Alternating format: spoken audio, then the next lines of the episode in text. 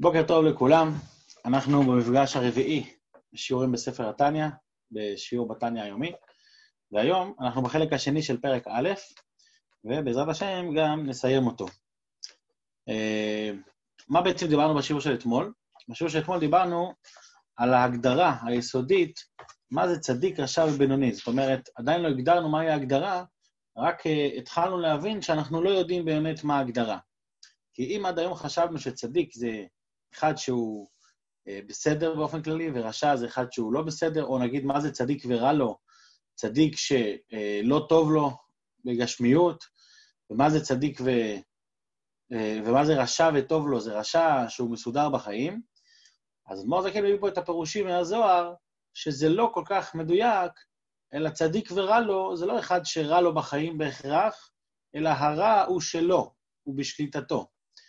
לכן, ההגדרות צריכות להיות מוגדרות מחדש, כי גם כשאנחנו מדברים על הבינוני, הבינוני לכאורה אמור להיות באמצע, בין צדיק לרשע. אז השאלה היא איפה בדיוק האמצע. כי כשמסתכלים על זה, כשבוחנים את זה, אז אחד שעושה עבירה, אז הוא נמצא כבר בהגדרה של רשע.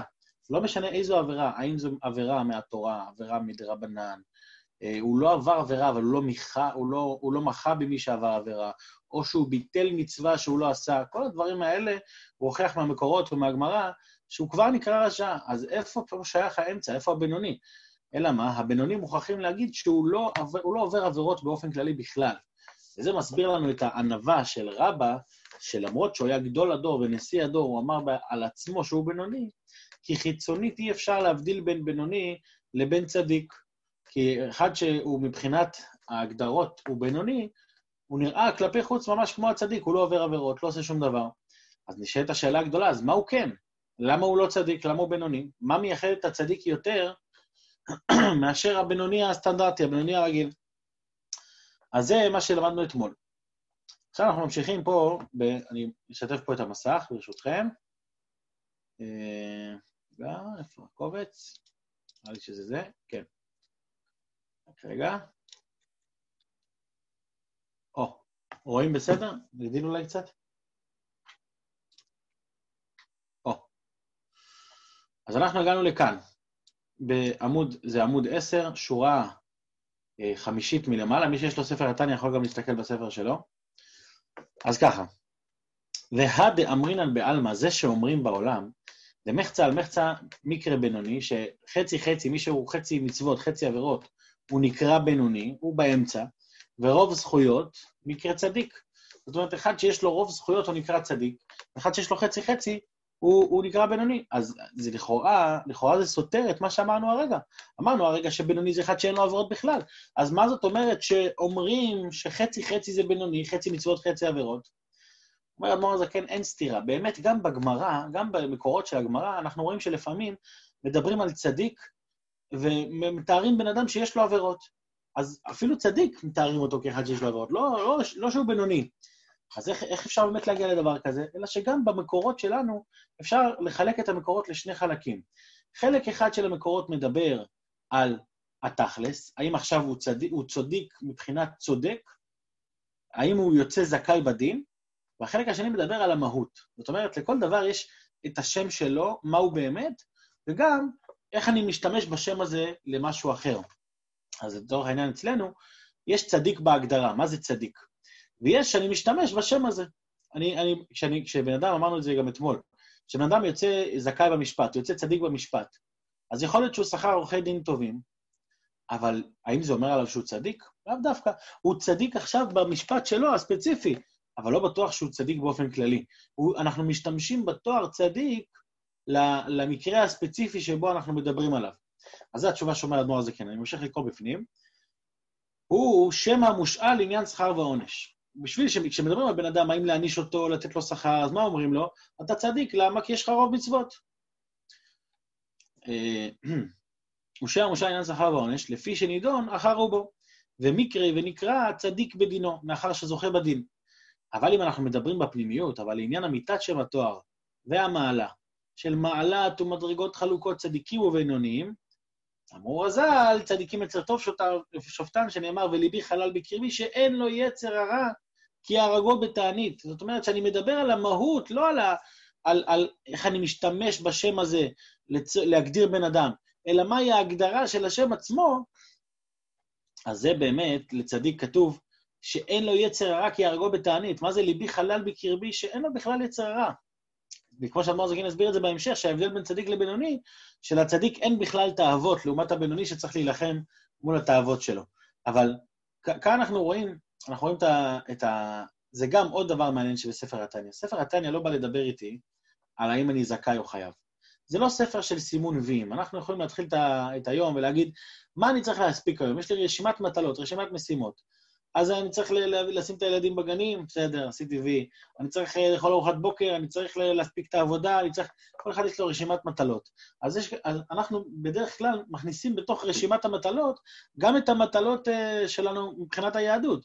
אז אני צריך להתפלל, סימן טבעי. אני צריך, uh, אני צריך להגיד ברכות, סימן טבעי. אני צריך לעשות את זה, צריך ללמוד, סימן טבעי.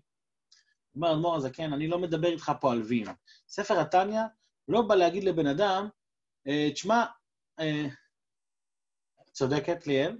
את יכולה, אגב, אפשר גם לשאול, אה, את יכולה גם להיכנס לשידור, אני לא תמיד רואה את כל ההודעות, אז את יכולה גם לשאול בכל זה, בסדר, המיקרופונים ברשותכם. Okay. אוקיי. אז אפשר גם לשאול שאלות. אם זו שאלה שהיא יותר מדי מעמיקה, אז אולי לא נתייחס, אבל מה שאת שואלת זה שאלה מצוינת, שלכאורה צדיק זה משהו לא אנושי. והתשובה היא. כן. נכון. בגדול זו התשובה, אבל עכשיו אנחנו לומדים את זה. זאת אומרת, okay. אוקיי. ככל שנלמד את ספר התניא, אנחנו נבין את בעצם אומרת מה שאתמול אמרנו בשם איוב, נכון? מה איוב התלונן אתמול? בראת הצדיקים, בראת הרשעים. הוא אומר לאלוקים, אין בחירה חופשית באמת. אתה החלטת מי יהיה צדיק ומי יהיה רשע. אז בנוגע לשאלה הזאת, היא שאלה באמת חזקה. ולכן אה, בהמשך הפרקים אנחנו נראה את ההגדרה של צדיק, ואנחנו נבין יותר את השאלה שלך, בסדר? זה מגיע okay. יותר אוקיי. בהמשך הפרקים. תודה. אבל מה אני רוצה להגיד? אני רוצה להגיד שהנקודה של אדמו"ר הזקן בספר התניא היא לא לדבר רק על העלבים, מה אני חייב, מה אני לא חייב. זה לא ספר הלכה, זה לא ספר, אה, זה לא ספר שאמור להעמיד אותי במקום, אתה טוב, אתה לא טוב. זה ספר שמדבר על המהות. בוא תראה את כל דבר, מה המהות האמיתית שלו. כשאתה מדבר על צדיק, כשאנחנו מפריחים מילים לאוויר, צדיק, צדיק, כל אחד צדיק, זה נכון, אבל בוא תראה רגע מה זה צדיק באמת, מה זה בינוני. וכשאתה תבין את זה, אתה תגיד לעצמך, וואלה, הלוואי שאני אהיה בינוני. שוב, אני חייב להדגיש עוד פעם, זה לא סותר לזה שיש מושג של צדיק כתוב, ויאמך כולם צדיקים. אז לכאורה, איך ויאמך כולם צדיקים? אם, אם להגיע לצדיק שאין לו יצר הרע בכלל, זה רמה כזאת שאי אפשר להגיע אליה.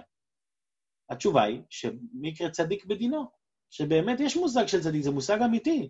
ויאמך כולם צדיקים, כולם בסופו של דבר יצאו זכאים בדין, זה עניין אחד. אבל לא מדברים עכשיו אם תצא זכאי בדין. לצאת זכאי בדין זה הסתכלות של ויים, אני מסמן וי.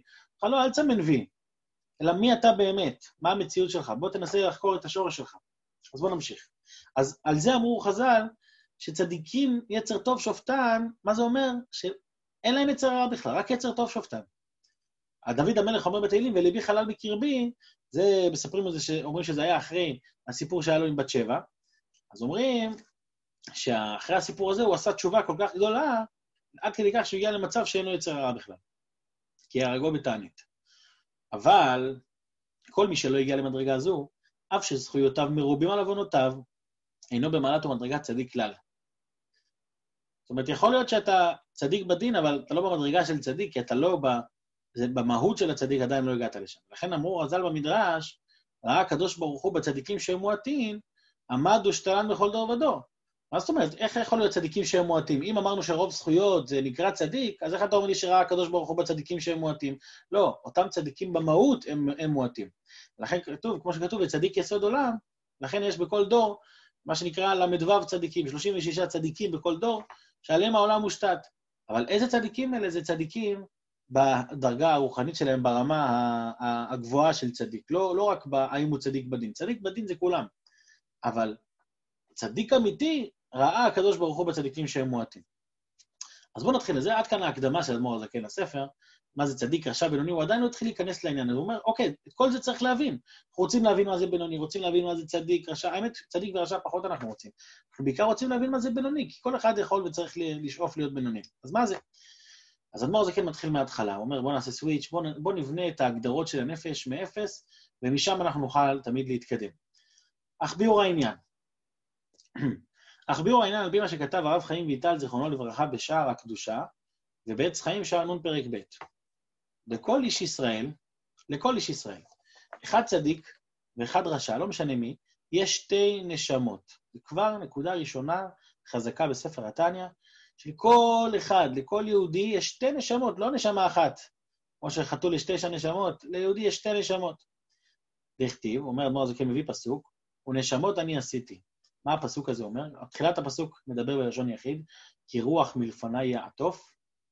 בסוף הפסוק מדבר בלשון רבים, ונשמות אני עשיתי. אז תחליט, האם זה רוח אחד, או שזה נשמות אני עשיתי. אלא מסבירים חכמינו, שלכל רוח שמלפניי יעטוף, לכל אחד יש שתי נשמ... נשמות אני עשיתי. שתי נשמות. שהן, שתי הנשמות האלה הן שתי נפשות. זה לא נפש אחת שיש לי, בן אדם שואל את עצמו הרבה פעמים, מאיפה יש לי את הדחפים להיות טוב, להיות רע? יום אחד אני רוצה להיות הכי טוב שאפשר, יום אחד אני, אני הכי גרוע שאפשר, מאיפה זה מגיע? אבל אנחנו אומרים לעצמנו, טוב, תשמע, יש לך יצר טוב ויצר רע. יצר טוב ויצר רע זה, זה, זה סוג של פיצול אישיות. זה אומר לך, תשמע, אתה, יום אחד אתה רוצה ככה, יום אחד אתה רוצה ככה. אומר לך, אדמו"ר זה כן, לא, לא, לא, זה לא פיצול אישיות. זה שכפול אישיות. יש לך שתי אישיויות בתוכך, נפש, נפש שלמה, לא רק יצר שהוא שואף למשהו מסוים, אלא נפש שלמה ומורכבת, שתי נפשות כאלה נמצאות בתוך תוכנו. מה עם שתי הנפשות האלה? שהן שתי נפשות, אני ממשיך לקרוא פה, שהן שתי נפשות, נפש אחת מצד הקליפה בסטרא אחרא, מה המהות הראשונה של הנפש הראשונה? היא בעצם נפש שהיא מצד, מהצד, לא מהצד של הקדושה, אלא מהצד של הקליפה, אולי באחד השיעורים בהמשך נדבר מה זה קליפה, וסיטרא אחרא זה, זה בארמית, זה צד אחר. אומרת, כל הכינוי לקליפה, לטומאה, נקרא צד אחר. אז הנפש הראשונה היא מהצד האחר, והיא המתלבשת בדם האדם להחיות הגוף. זאת אומרת, זה הנפש הטבעית של כל אחד ואחד. ומה התפקיד שלה? התפקיד שלה להחיות הגוף, לדאוג למציאות של הבן אדם. וכדכתיב, כמו שכתוב, כי נפש הבשר בדמי. הנפש איפה נמצאת? בדם, מתלבשת בתוך הדם. וממנה, מאותה נפש הראשונה, שתכף הוא יקרא לה גם הנפש הבהמית, אותה נפש, ממנה באות כל המידות רעות שיש לאדם. איך זה מגיע? מארבע יסודות רעים שבה, דהיינו, כעס וגאווה מיסוד האש שנקבע למעלה. אש זה, זה, זה חום, זה חמימות, זה שורף. הכעס, כשבן אדם כועס, הוא במידה של אש. והגאווה גם, היא מגדילה את האדם, כמו האש שתמיד עולה כלפי מעלה, ככה גם הגאווה מגיעה מיסוד האש שבנפש, כמו שבעולם יש ארבע יסודות באופן כללי, אש, רוח, מים, עפר, ככה גם באדם יש את ארבעת היסודות הללו. אז האש זה הכעס והגאווה. תאוות ותענוגים, תאווה זה מיסוד המים. למה? כי המים מצמיחים כל מיני תענוג. זאת אומרת, המים, הטבע שלהם זה לזרום כזה, כן? אז התאוות שיש לאדם זה מבחינת מים. הוא זורם על החיים, נהנה מהחיים. המים מצמיחים כל מיני תענוג. אז זה היסוד של המים. והוללות וליצנות והתפארות ודברים בטלים, זאת אומרת, סתם לעשות צחוקים, סתם להתלוצץ, או להתפאר על מישהו אחר, זה מאיפה מגיעים? מיסוד הרוח. זה יסוד הרוח. מה זה רוח? רוח זה משהו שאין לו ממשות. הוא זורם ממקום למקום, זה לא כמו המים שלפחות יש לך משהו. לא, זה סתם רוח, סתם לעשות רוח. אגב, מעניין, כתוב פה התפארות. האם התפארות, מה ההבדל כל כך בין התפארות לגאווה? למה גאווה היא מיסוד האש, והתפארות היא מיסוד הרוח? אז מסבירים תמיד שגאווה, ההבדל בגאווה להתפארות, שהתפארות זה להתפאר על מישהו בלי תוכן. זה רק רוח. גאווה זה להתפאר על מישהו עם תוכן. זאת אומרת, מי, מי, מי הוא הגאוותן? הגאוותן זה אחד כזה שיש לו על מה להתגאות. זאת אומרת, הוא באמת חכם יותר, הוא באמת אה, מוצלח יותר, ויש לו על מה להתגאות. אה, לעומת זאת, מי שמתפאר זה אחד שהוא מה שנקרא סתם מסתלבט. הוא מרים את הראש בלי שום, אה, אין לו שום, אין, אין לו שום תוכן, הוא בסך הכל מתפאר, לכן זה מיסוד הרוח, והגאווה היא מיסוד האש, כי האש הוא באמת נעלה יותר. והיסוד הרביעי, עצלות ועצבות מיסוד העפר. מה, מה משותף לעצלות ועצבות? ששניהם כמו העפר תמיד יורד למטה. תמיד הוא נופל לרצפה, כוח המשיכה כזה, כן? אז העצלות שיש לאדם, העצבות, מה הם גורמים לאדם? אפילו פיזית אנחנו רואים שהעצבות, החיוך הוא כלפי מעלה והעצבות הוא כלפי מטה. אדם ככה יורד. ואתה תנועה גם בעצלות, הוא נופל למטה. הוא, הוא מעדיף להישאר במקום שלו ולא לזוז, לא להתקדם הלאה. אז עד כאן הוא אומר, זה ארבעת המידות הרעים ארבעת המידות הרעים שיש בנפש, באותה נפש הטבעית, הנפש הראשונה, שהיא נקראת גם הנפש הבעמית.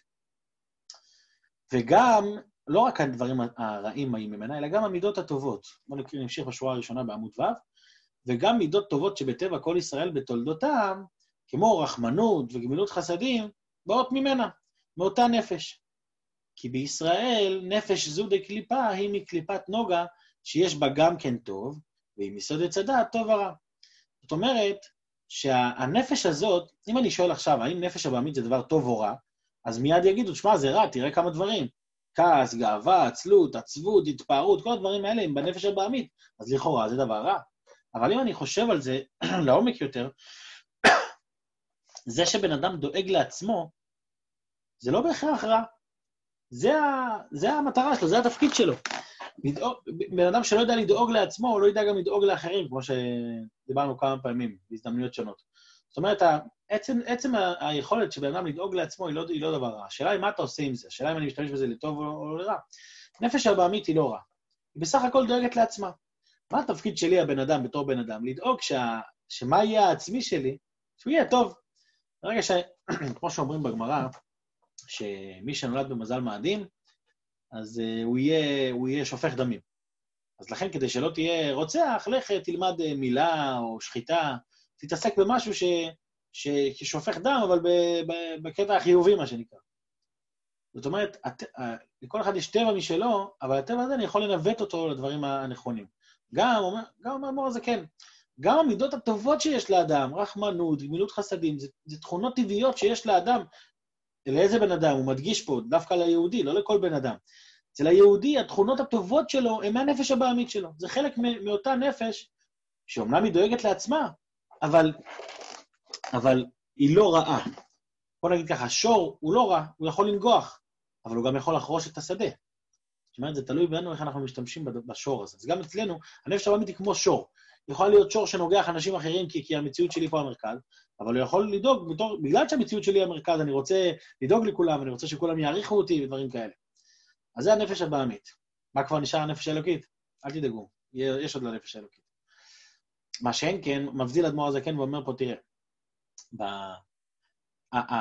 הנפש הבעמית היא מעורבת מטוב ורע, כי זה סוד עץ הדת. עץ הדת שילב את הטוב ואת הרע, הפך את הטוב ואת הרע למעורבבים. עד עץ הדת, עד החטא, היה, היה רק טוב. הרוע בכלל לא, לא היה קיים, הרוע היה בהיעלם. על ידי החטא עץ הדת, אדם הראשון בעצם הוריד את, ה, את הרע וערבב את הרע עם הטוב. הטוב והרע נהיו מחוברים, וזו קליפת נוגה. קליפת נוגה זה, זה סוג כזה של קליפה.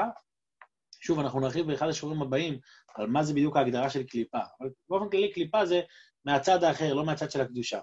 אבל גם בצד האחר, שהוא לא הצד של הקדושה, הקליפה שנקראת קליפת נוגה, היא קליפה עדינה.